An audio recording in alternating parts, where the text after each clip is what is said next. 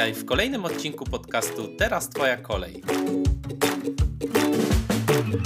Znajdziesz tu inspirujące historie gości, którzy opowiadają o swoim życiu, o swoim biznesie, o tym, jaka była ich droga ku szczęściu i wolności. Ten podcast to źródło wiedzy na temat rozwoju osobistego i zawodowego. Na kolejny odcinek podcastu Teraz Twoja kolej zaprasza Dominika Gostek. Cześć, ja nazywam się Dominika Gostek i witam Cię serdecznie w kolejnym odcinku podcastu Teraz Twoja kolej. Ten odcinek to kolejny z serii Emigrantki dla emigrantek. Moim gościem jest Aleksandra Mariacha, mama w Tyrolu. Autorka bloga, architekt, miłośniczka fotografii, gór i natury. Ola opowiada o tym, jak ciekawość świata i architektura doprowadziła ją do Tyrolu. Mówi też o życiu w Tyrolu z dzieckiem, o minusach i plusach emigracji, o tęsknocie za Polską oraz o tym, jak przestała wierzyć we wmawiany jej brak talentu do języków obcych. Jeśli jesteś ciekawa historii Oli, to zapraszam Cię do wysłuchania naszej rozmowy. Cześć, witam Was w kolejnym odcinku podcastu Teraz Twoja kolej. Dzisiejszym moim gościem jest Ola Mariacher. Ola mieszka w Tyrolu wraz z swoim mężem Tyrolczykiem i czteroletnim synkiem. Ola prowadzi przepiękne instagramowe konto Mama w Tyrolu, gdzie pisze o życiu w Tyrolu, o życiu w Austrii i dzieli się pięknymi ścieżkami, krajobrazami, atrakcjami po Alpach z dzieckiem. Cześć Olu. Witam Ciebie, Dominiko. Cześć. Olu, e, ja już Cię przedstawiłam, ale chciałabym, żebyś to zrobiła jeszcze raz Ty. Może czegoś nie dopowiedziałam, może ominęłam coś, co jest bardzo wartość, e, ważne. Przedstaw się, powiedz krótko, kim jesteś. Dziękuję bardzo za tak miłe przedstawienie. Jest mi bardzo miło. Praktycznie nie mam więcej nic do dodania. E, mogę jeszcze dodać, że jestem z zawodu architektem i w Austrii, w Tyrolu jestem prawie 10 lat. Mhm. I wcześniej mieszkałam też e, w innych krajach, między innymi w Hiszpanii i w Brazylii. Mhm. E, to jest bardzo właśnie ciekawe, bo w Austrii mieszkasz od 10 lat, ale masz już swoją taką e, historię wcześniejszą wyjazdów po różnych innych krajach. Mhm. Opowiesz nam od początku taką, żebyśmy znali ten proces, jak to wszystko się zaczęło, gdzie byłaś, ile byłaś i, i dlaczego wyjechałaś w dane miejsce? Jak to się zaczęło? Tak naprawdę Moja fascynacja obcymi krajami, wyjazdami zaczęła się już w dzieciństwie, ponieważ moi rodzice dużo wyjeżdżali. To nie były typowe urlopy, dla mnie to były wakacje.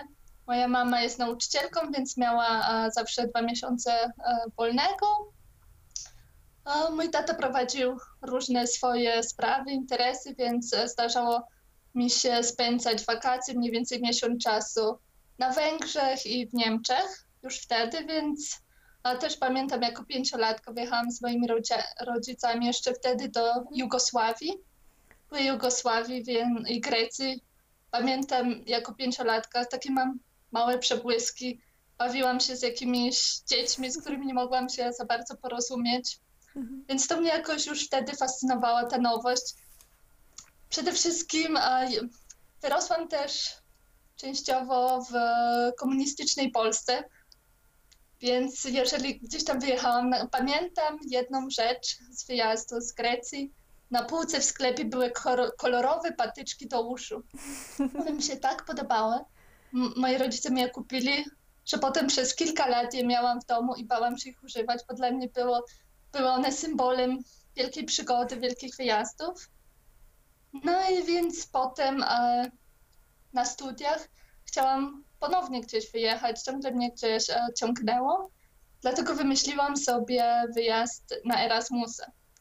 Co ciekawe, chciałam wyjechać e, do Wiednia. Oh. Moim pierwszym pomysłem był wyjazd do Wiednia i zaczęłam się uczyć niemieckiego. A właściwie, e, może jeszcze muszę chwilę wrócić, tak naprawdę to wszystko zaczęło się od języków. Bardzo chciałam nauczyć się języka, ale wydawało mi się, że nie mam talentu. Uczyłam się um, języka rosyjskiego w szkole Mhm. i strasznie go nie lubiłam. Było też tak, że jak się zaczęliśmy uczyć tego języka, to potem moja nauczycielka zaszła w ciążę i co pół roku zmieniał się nauczyciel, więc w szkole podstawowej nie nauczyłam się praktycznie nic. I potem w liceum mieliśmy um, panią nauczycielkę, która wiele wymagała, a ja miałam jakieś tam braki w tym języku. No więc e, strasznie to przeżywałam. Chciałam nauczyć się języka, jakiegoś chciałam podróżować, ale po prostu w szkole mi to nie wychodziło i z, z, czę- często też słyszałam, hmm, do języka nie trzeba mieć, do języka trzeba mieć talent, no ty no nie masz talentu do Mhm. języku. No trudno, więc się z tym jakoś e, pogodziłam. Em, no ale nadal chciałam wyjeżdżać. No więc jeżeli byłam, byłam już na studiach, nie znałam żadnego języka, bardzo się e, źle z tym czuła, czułam. Wiedziałam, że są organizacje, gdzie można gdzieś właśnie wyjechać i coś zrobić i poznać ludzi z obcych krajów. No, język był jednak tą moją barierą. No więc bardzo e, chciałam wy, e, wyjechać i pomyślałam, że upie, upiekę dwie pieczenie na jednym ogniu, Mhm. czyli wyjadę na Erasmusa z podstawą e, języka, tak, żeby nauczyć się tam lepiej tego języka, bo wtedy będę zmuszona, więc nauczę się, no bo przecież, jak wierzyłam, nie mam talentu do języków.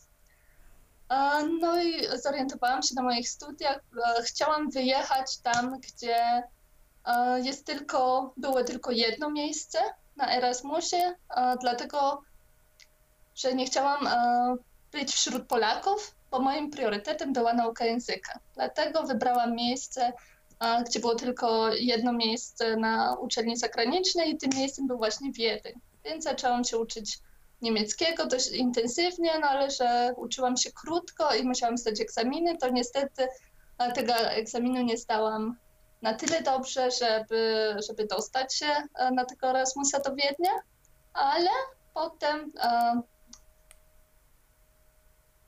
pojechałam do język portugalski bardzo, bardzo spodobał. No ale że na uczelni nie było języka portugalskiego, no to zaczęłam chodzić na lektorat z języka hiszpańskiego. I była też możliwość wyjazdu do Hiszpanii na Erasmusa, więc bardzo intensywnie zaczęłam uczyć się hiszpańskiego, żeby mi tym razem się udało. Miałam wszędzie przyklejone drzwi, miałam podpisane, słucham tylko hiszpańskiej muzyki, wszystko wszystko robiłam, żeby jak najszybciej w ten rok nauczyć się tego języka i oglądałam też filmy po hiszpańsku z hiszpańskimi podpisami. I naprawdę bardzo szybko nauczyłam się tego hiszpańskiego, ponieważ miałam cel. Ja chcę wyjechać do Hiszpanii na Erasmusa i chcę zdać egzamin. No i mi się udało. Tak, Ciężką pracą. Nie tyle mi się udało, co po prostu na to e, zapracowałam i wyjechałam na Erasmusa do Hiszpanii. Na początku było ciężko, ponieważ no, uczyłam się bardzo intensywnie, ale jednak um, komunikacja nie była na tyle dobra, żebym czuła się swobodnie i musiałam szukać mieszkania, co też było stresujące, bo akurat wszyscy e, studenci wtedy przyjechali i szukali mieszkania, no ale, mi, e, ale znalazłam mieszkanie z trzema Hiszpanami. E, Też szukałam takiego mieszkania właśnie nie z kolegami czy koleżankami ze studiów, żebym po prostu mogła um, używać języka codziennie. No i tak e, wylądowałam e, w Hiszpanii w mieszkaniu z trzema Hiszpanami i rozwinęłam swój język i wtedy już przestałam wierzyć, że jest coś takiego jak talent do języków, po prostu ciężką pracą i celem można to osiągnąć i i potem zapragnęłam, poznałam dużo osób z Ameryki Południowej i jedną z moich pasji jest taniec, więc dużo tańczyłam. I poznałam dużo e, osób z Ameryki Południowej i miałam kolejne marzenie, chciałam wyjechać do Ameryki Południowej. Mhm. No więc udało. E, potem za, e, po studiach jest też taki program, że można wyjechać do pracy. Więc wyjechałam na trzy miesiące. Tu jest ponownie jakby porażka, z którego, po, który przerodziłam w sukces, bo chciałam wyjechać do Kolumbii, bardzo chciałam wyjechać do Kolumbii, ale ponownie nie, mia, nie udało mi się zdobyć tyle punktów. Ktoś miał więcej punktów i pojechał do tej Kolumbii. No mi została, jeszcze był chyba, już nie pamiętam co, może Meksyk, ale tam praca mi się nie podobała, bo to była praca w zawodzie, było to biuro architektoniczne i była Brazylia. Trochę się obawiałam tej Brazylii, bo nie znałam portugalskiego, Mhm. ale koniecznie chciałam spełnić to marzenie, dlatego zaryzykowałam i wyjechałam do Brazylii. No, tam byłam trzy miesiące, bardzo, bardzo szybko nauczyłam się portugalskiego na początku. Mm, Trochę z jedną e, współpracowniczką, koleżanką z pracy rozmawiałam e, po angielsku, ale, mm, ale wie, większość osób tam, gdzie mieszkałam i w ogóle mówili tylko po portugalsku, więc nauczyłam się portugalskiego. Z tym, że nie umiem pisać po portugalsku, e, bo nie uczyłam się tego, na, na trochę z czytania, ale mówić ponoć mówiłam bardzo dobrze, więc wszyscy się dziwili, Mhm. e, że tak szybko się tego języka nauczyłam. I przedłużyłam sobie wyjazd z trzech miesięcy do dziewięciu. I potem e, nie wiedziałam, studia miałam już skończone, znałam kilka języków, nie wiedziałam, co dalej ze sobą mam zrobić. I mój szef, Brazylijczyk z tego biura architektonicznego, powiedział: "Mm, On ma takiego znajomego w Austrii, w Tyrolu, architekta swojego studiów, który chciałby kogoś na trzy miesiące na praktyki. No więc ja nie miałam za bardzo planów. Myślałam, że, że chciałam zawsze mieszkać nad morzem, w ciepłej Hiszpanii. Moim planem było też ewentualnie pojechanie do jakiegoś kraju, gdzie mówi się e, w języku angielskim, no ale nadarzyła się okazja, żeby przyjechać do Tyro- Tyrolu, do Austrii. No więc skorzystałam z tej okazji i z trzech miesięcy zrobiło się już prawie 10 lat. E, Praca mi się bardzo, bardzo podobała. Tej chwili już pracuję w trzecim biurze architektonicznym. Częściowo miałam też swoje biuro rysunkowe, rysunku architektonicznego, ale teraz jestem zatrudniona na pół etatu. Po jakimś czasie poznałam mojego męża, no i Austriaka i dlatego zostałam. I tak mnie właśnie ciekawość świata i chęć poznania języków, ale także w pewnym sensie z początku e, porażki doprowadziły mnie do tego miejsca, e, w którym jestem i jestem bardzo szczęśliwa tu, gdzie teraz jestem i w takim jakim miejscu żyję i mieszkam i gdzie pracuję. Fajnie to słyszeć, ale naprawdę miałaś nie tylko e, taką upartość w tym dążeniu do celu, ale byłaś też tak bardzo otwarta na świat, bo, bo jednak to wymaga dużej otwartości, tak jechać z miejsca na miejsce, nie znać języka, ludzi jeszcze do tego sobie mówić, ja nie chcę być w pokoju czy w mieszkaniu z rodakami, bo ja chcę się nauczyć języka. To jest naprawdę bardzo odważne. No, Zgadza się, to e, wiele osób mnie podziwiało. No jak to ty na przykład jedziesz do Brazylii, ale tam coś tam. Dla mnie to jest coś normalne, było wtedy coś normalnego, chcę spełniać marzenia, więc to ryzyko no, jest jakby małą przeszkodą do tego. e, Spełnienie marzenia czy celu jest dla mnie ważniejsze niż ten strach. Albo, no, czyli wtedy umiałam po prostu przezwyciężyć ten strach. Tak. Mm, Cudownie. No i do tego te Twoje marzenia, hiszpańskie, e, ciepłe powietrze, morze, a wylądowałaś totalnie gdzie indziej, w zimnym Tyrolu, ale za to jak pięknym oczywiście. Góry, Oczywiście. śnieg, no niesamowite. E, czyli założenia od początku już miałaś w głowie, że nie chcesz wrócić do Polski. Mm, Nie, takiego założenia nie miałam. E, Miałam założenie, e, że chcę podróżować, chcę poznać ludzi, chcę e, nauczyć się języków, ale zawsze jakoś miałam. Tak naprawdę nie miałam na to planu, ale nie wykluczałam, że wrócę do Polski, nie wykluczałam, że gdzieś zostanę. Tak jak powiedziałaś, byłam otwarta na to, co przyjdzie. Liczyłam się z tym, że gdzieś mogę poznać e, podczas tych podróży miłość mojego życia tak jak się stało i gdzieś zostanę. Ale po, podejrzewam, że gdybym e, nie poznała mojego męża, to albo bym wróciła do Polski, albo szukała przygód w innych krajach. Mhm. Czyli to taka love story No, zdecydowała, można że tak powiedzieć. o tym miejscu docelowym. Tak. No to, to jest cudowne. E, Olu, powiedz mi, bo właściwie tak właśnie mówiłaś o tym, że na początku w szkole powiedziano Ci, że nie masz właśnie tego talentu do języków, o czym właśnie dzisiaj też rozmawiałam z Olą na początku. Tak słyszałam, widziałam. Tak, z niemiecka Sofa i, i ona oczywiście powiedziała, że to jest nic, więcej, nic więcej jak tylko wielka jedna bzdura. Zgadzam się, zgadzam się z Olą. Dokładnie. Ale powiedziałaś, że do tego 20 roku wierzyłaś w to, że jednak nie jesteś w stanie nauczyć się języka, że do tego trzeba wiele talentów. Jak teraz tak z perspektywy czasu byś popatrzyła e, na tą Twoją naukę tych kilku języków, e, to jaka metoda głównie się sprawiła, sprawdziła w tym nauczaniu? Jakie metody były najlepsze w toku uczenia się języka? Przede wszystkim otoczenie się językiem dookoła. Mhm. Jak na przykład zaczęłam uczyć się hiszpańskiego, to um, wszystkie rzeczy, poprzyklejałam sobie karteczki, tak jak mówiłam, na wszystkich możliwych meblach, rzeczach, jak to się nazywa. Słuchałam tylko muzyki po hiszpańsku, oglądałam filmy tylko po hiszpańsku i nawet jak spacerowałam ulicą, zastanawiałam się, jak może nazywać się chodnik, albo przypominałam sobie, albo drzewo mhm. i tak dalej. Więc cały czas ten hiszpański był ze mną. Albo e, druga metoda, jaką stosowałam, to po prostu wyjechanie do danego kraju i nauczenie się języka, tak jak było z, z portugalskim i niemieckim. Tak naprawdę nie miałam wyjścia, musiałam rozmawiać w tym języku. E, jak pojechałam do Brazylii, to na początku e, mieszkałam pierwsze trzy tygodnie, chyba dwa albo trzy tygodnie mieszkałam e, z e, taką pewną babcią, u babci, która oglądała całe popołudnia brazylijskie telenowele.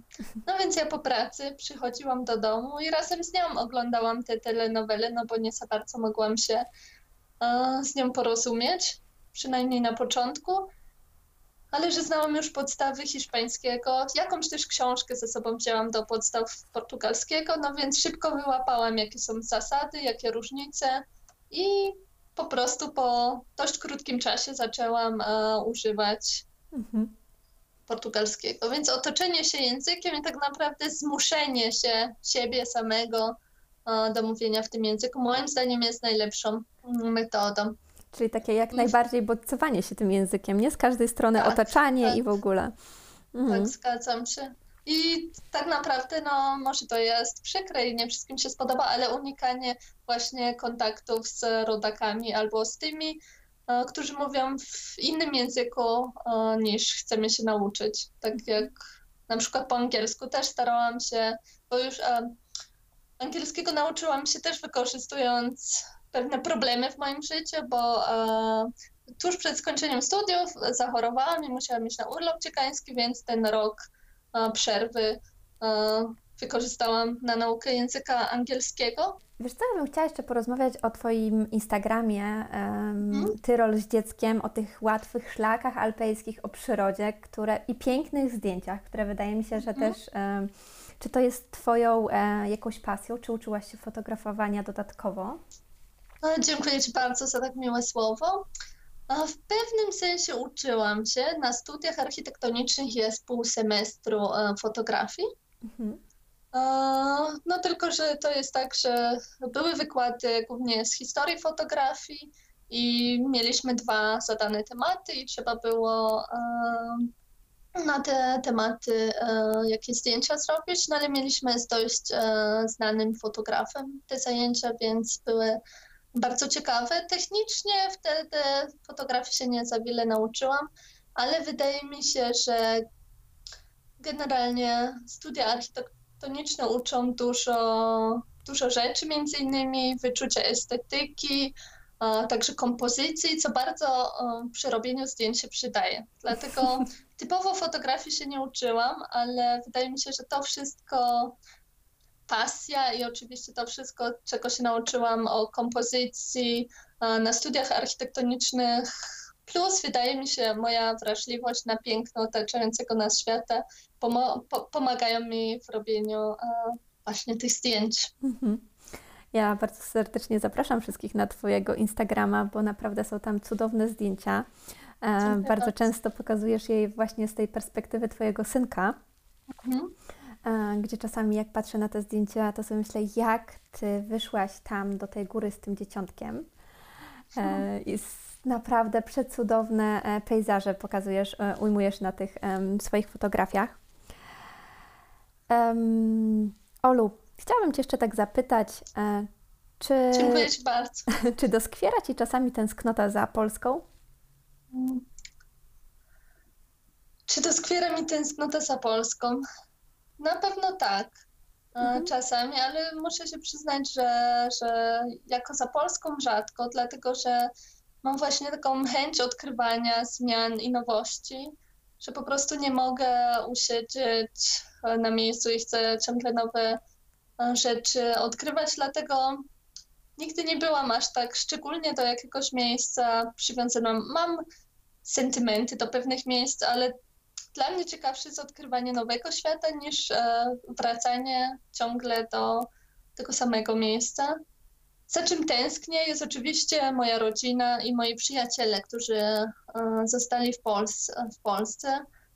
To jest minus emigracji, mhm. że jednak rodzina jest e, bardzo daleka. Moja, moja rodzi, moi rodzice bardzo się cieszyli, że nie zostaję w Brazylii, tylko w Austrii, bo jest dużo, dużo bliżej. No więc e, co najmniej trzy razy w roku e, jedziemy do Polski. Moi rodzice też mnie odwiedzają, ale oczywiście jest to jakiś tam problem i tęsknota po prostu za rodziną, mhm. nie za rodziną. Mhm. Jak radzisz sobie w takich momentach tęsknoty, kiedy tak doskwiera Ci już ten, e, ten takie uczucie, że, że tęsknisz, że chciałabyś się zobaczyć? Mhm. Na szczęście internet pomaga nam e, w tych czasach, więc najczęściej po prostu dzwonię i rozmawiam. Potrafimy długo rozmawiać z moimi rodzicami. Mhm. I mój synek też pokazuje wszystko i na kalendarzu, kiedy przyjedzie. Więc tak, zdecydowanie internet i rozmowy przez Skype'a, przez WhatsApp ratują, mhm. ratują mnie w tych trudnych chwilach. Hmm, to prawda. W dobie internetu to jest naprawdę um, duża pomoc w takich momentach. Tak. Zadzwonić, zobaczyć i od razu jest troszeczkę lżej na sercu. Dokładnie tak. No właśnie już jak e, był, wyjechałam do, um, do Hiszpanii, to też bardzo dużo czasu spędzałam wtedy na Skype i opowiadałam moim rodzicom, więc wtedy nawet sobie pomyślałam, że właściwie więcej rozmawiam z moimi rodzicami niż e, jak byłam na studiach w Łodzi, bo studiowałam w Łodzi, po prostu cały tydzień się nie widziałam i na weekend jak wróciłam, szybka relacja i potem jakieś zajęcia albo znajomi, a tutaj jak byłam tak daleko, to tak naprawdę chciałam zdawać relacje z tego, co widzę i dużo częściej, wydaje mi się, rozmawiałam e, z moją małą, z moimi rodzicami, niż podczas studiów, gdzie byłam 40 kilometrów od domu. Hmm. To jest bardzo częsta, e, często taka um, zjawisko, że właśnie jak ktoś jest blisko, to nie rozmawiamy, a jak już się tylko oddalamy, to rozmawiamy i nawet te rozmowy są głębsze. To jest takie Zgadzam bardzo się. ciekawe. Tak, tak. E, Potwierdzam. Jeszcze chciałabym Cię zapytać o to, jak, bo myślę, że wiele um, słuchaczek e, też może planuje zostać w jakimś kraju i, i nie wyklucza tego, że kiedyś zwiąże się z um, drugą połową, która będzie pochodzenia tego kraju, w którym ta osoba da, w tym momencie jest. Mhm. Um, powiedz, jak u Ciebie to funkcjonuje, e, dwujęzyczność Twojego synka? Czy w ogóle starasz się o to, żeby on był dwujęzyczny, czy nie kładziesz na to wagi? Jeśli tak, to dlaczego? Jak to funkcjonuje u Ciebie? Staram się oczywiście, żeby mój synek był dwujęzyczny, ponieważ nie wyobrażam sobie, abyśmy pojechali do Polski, on nie mógłby się z moimi rodzicami porozumieć, z własnymi dziadkami. Dlatego jest to dla mnie bardzo, bardzo ważne. Oczywiście jest trudno, dlatego że język niemiecki, czy tak naprawdę tyrolski otacza go w przedszkolu, w domu, bo mieszkamy teraz aktualnie z moimi teściami, no więc też w domu wszyscy mówimy e, po niemiecku, tyrolsku właściwie. Także jest dość, e, dość trudno, ale staram się, aby miał kontakt cały czas e, z językiem polskim. Książeczki, które książeczki, które kupuję, są tylko w języku polskim. Czasami dostanie jakieś jeszcze w niemieckim, czy z biblioteki wypożyczymy w języku niemieckim, ale staram się, żeby cała jego biblioteka była w języku polskim, aby miał ten kontakt z językiem i tutaj w przeciwieństwie do początków jednak szukam kontaktu też e, z Polakami, żeby żeby on nie tylko, żeby mój synek nie tylko ze mną rozmawiał, ale także z, z rówieśnikami w języku polskim. Także mam um, kilku znajomych, z którymi się od czasu do czasu um, spotykam, którzy też mają dzieci dwujęzyczne, czy nawet trzyjęzyczne i wtedy dzieci też mogą porozmawiać um, w języku polskim. Mhm. To bardzo, bardzo, bardzo ciekawe wyjście właśnie takie um, czytanie dziecku tych książeczek i dodatkowo komunikacja. Wtedy jest zmuszony tak trochę do używania tych słów e, w języku polskim i, i uczy się języka polskiego. Zgadzam się. Mhm. Zgadzam. I jak do tej pory tak e, patrzysz na to wszystko, czy, czy to dobrze e, odbija się na jego tej dwujęzyczności, czy, czy i on ma jakiś e, problem z tym jako dziecko? A wydaje mi się, że, że nie ma problemu. Czasami jest e, czasami mówi, mama, ale ja tego nie rozumiem, powiedz po niemiecku. Mhm. No, także jednak ma większy zasób słów po, po niemiecku, ale rozumie wszystko, prawie wszystko po polsku, więc wydaje mi się, że, że to jest dobra technika. Mhm. Mam nadzieję, że tak nadal będzie. Ja myślę, że na pewno, jeśli, jeśli tylko właśnie e, ty włożysz w to znowu swój wysiłek i pracę, prawda? Tak, zgadza się. Bo tak jak mówisz, że mi się wydaje, że taka dwujęzyczność jest tylko takim wielkim skarbem i, i, i dostajesz coś tak pięknego za darmo, um, po prostu pomimo woli, mimo woli, że to jest naprawdę, szkoda by było. Uh, ja jestem dzieckiem jednojęzycznym, musiałam się drugiego języka uczyć, podobnie jak ty. Jak Dokładnie. patrzę na swoje dzieci, to wydaje mi się, że one po prostu tego drugiego języka uczą się E, tak po prostu, e, bez większego wysiłku. No to jest totalnie inny, inny sposób nauczania się. E, zgadzam się. Totalnie się z Tobą zgadzam. Jest po prostu w życiu codziennym i też uważam, że to jest wielki, wielki skarb. Oczywiście są osoby, które uważają, że, że jak to, czy się dziecku nie poplączą te dwa języki, ale to jest naprawdę tak wielki dar i też jak w przedszkolu Panie mówiły, że widać e, u niego um, zainteresowanie językami. Ma um, w przedszkolu, do którego chodzi, um, ma wychowawczyni, czyli po polsku myśli to ciocia, tak, jest mhm. z Chile, więc oni śpiewają na przykład też piosenki po hiszpańsku i on od razu załapał i bardzo mu się to podoba. I też mają raz w tygodniu przychodzi pan, który mówi po angielsku, więc od razu on ma jest jest ciekawy tych języków, bo już z domu wie, że są różne języki, więc to, on też ma tą ciekawość języków i świata, więc to już teraz w wieku czterech lat obserwuję, że, że na pewno nie poprzestanie na tych dwóch językach, którymi teraz mówi. No przede wszystkim, że dodatkowo e, są rodzice, którzy, którzy znają języki. Mm. I, I mama, e, ty rozmawiasz z nim w dwóch językach, także myślę, że dla mhm. niego to jest tak czymś naturalnym, że to przyjdzie po prostu tak po prostu e, bez większego wysiłku e, naturalnie do niego. No, taką mam nadzieję. No super. E, Olu, e, powiedz mi, jakby ktoś chciał pojechać do Tyrolu, czy mogłabyś teraz tak um, powiedzieć, gdzie może się udać, gdzie może znaleźć jakieś dobre informacje, co warto by było zobaczyć? E, zaprezentuj Tyrol. Mhm. Tyrol jest przepiękną krainą, naprawdę e, marzyło, marzyło mi się morze, łódki, ale wylądowałam w tym Tyrolu i jestem nim zachwycona. Nie brakuje mi wcale morza i fal, dlatego że jest tu bardzo dużo jezior, krystalicznie czystych, niebieskich e, jezior i przepiękne widoki. I co ważne, Tyrol to nie tylko zima, bo mhm. większość osób kojarzy Tyrol e, z nartami, ze śniegiem, tak naprawdę moją ulubioną porą roku w Tyrolu to jest jesień. Jest pięknie, kolorowo yy, i, i wiosna. Drugą mhm. ulubioną porą roku jest wiosna, kiedy właśnie to życie, yy, ta przyroda budzi się do życia. I tak naprawdę zachęcam, jeżeli byliście już e, w Tyrolu zimą, to koniecznie odwiedźcie e, Tyrol wiosną, latem albo jesienią.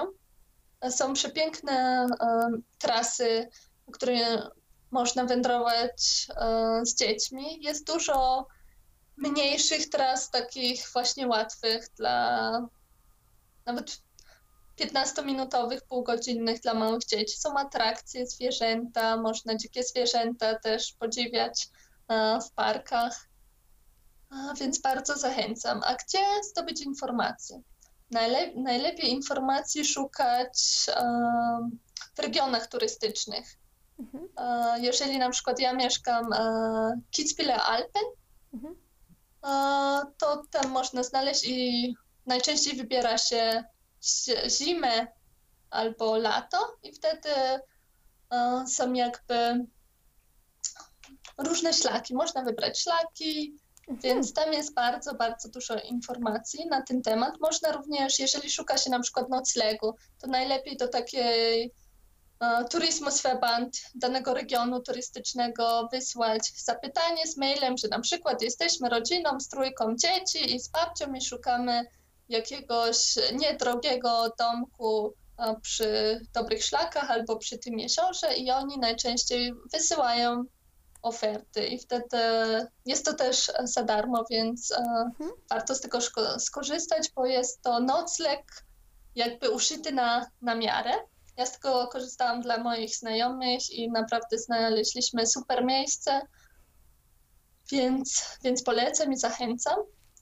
Dodatkowo planuję, jestem w trakcie tworzenia bloga, gdzie mhm. będą e, właśnie informacje dla osób, które chciałyby odwiedzić Tyrol, głównie z dzieckiem.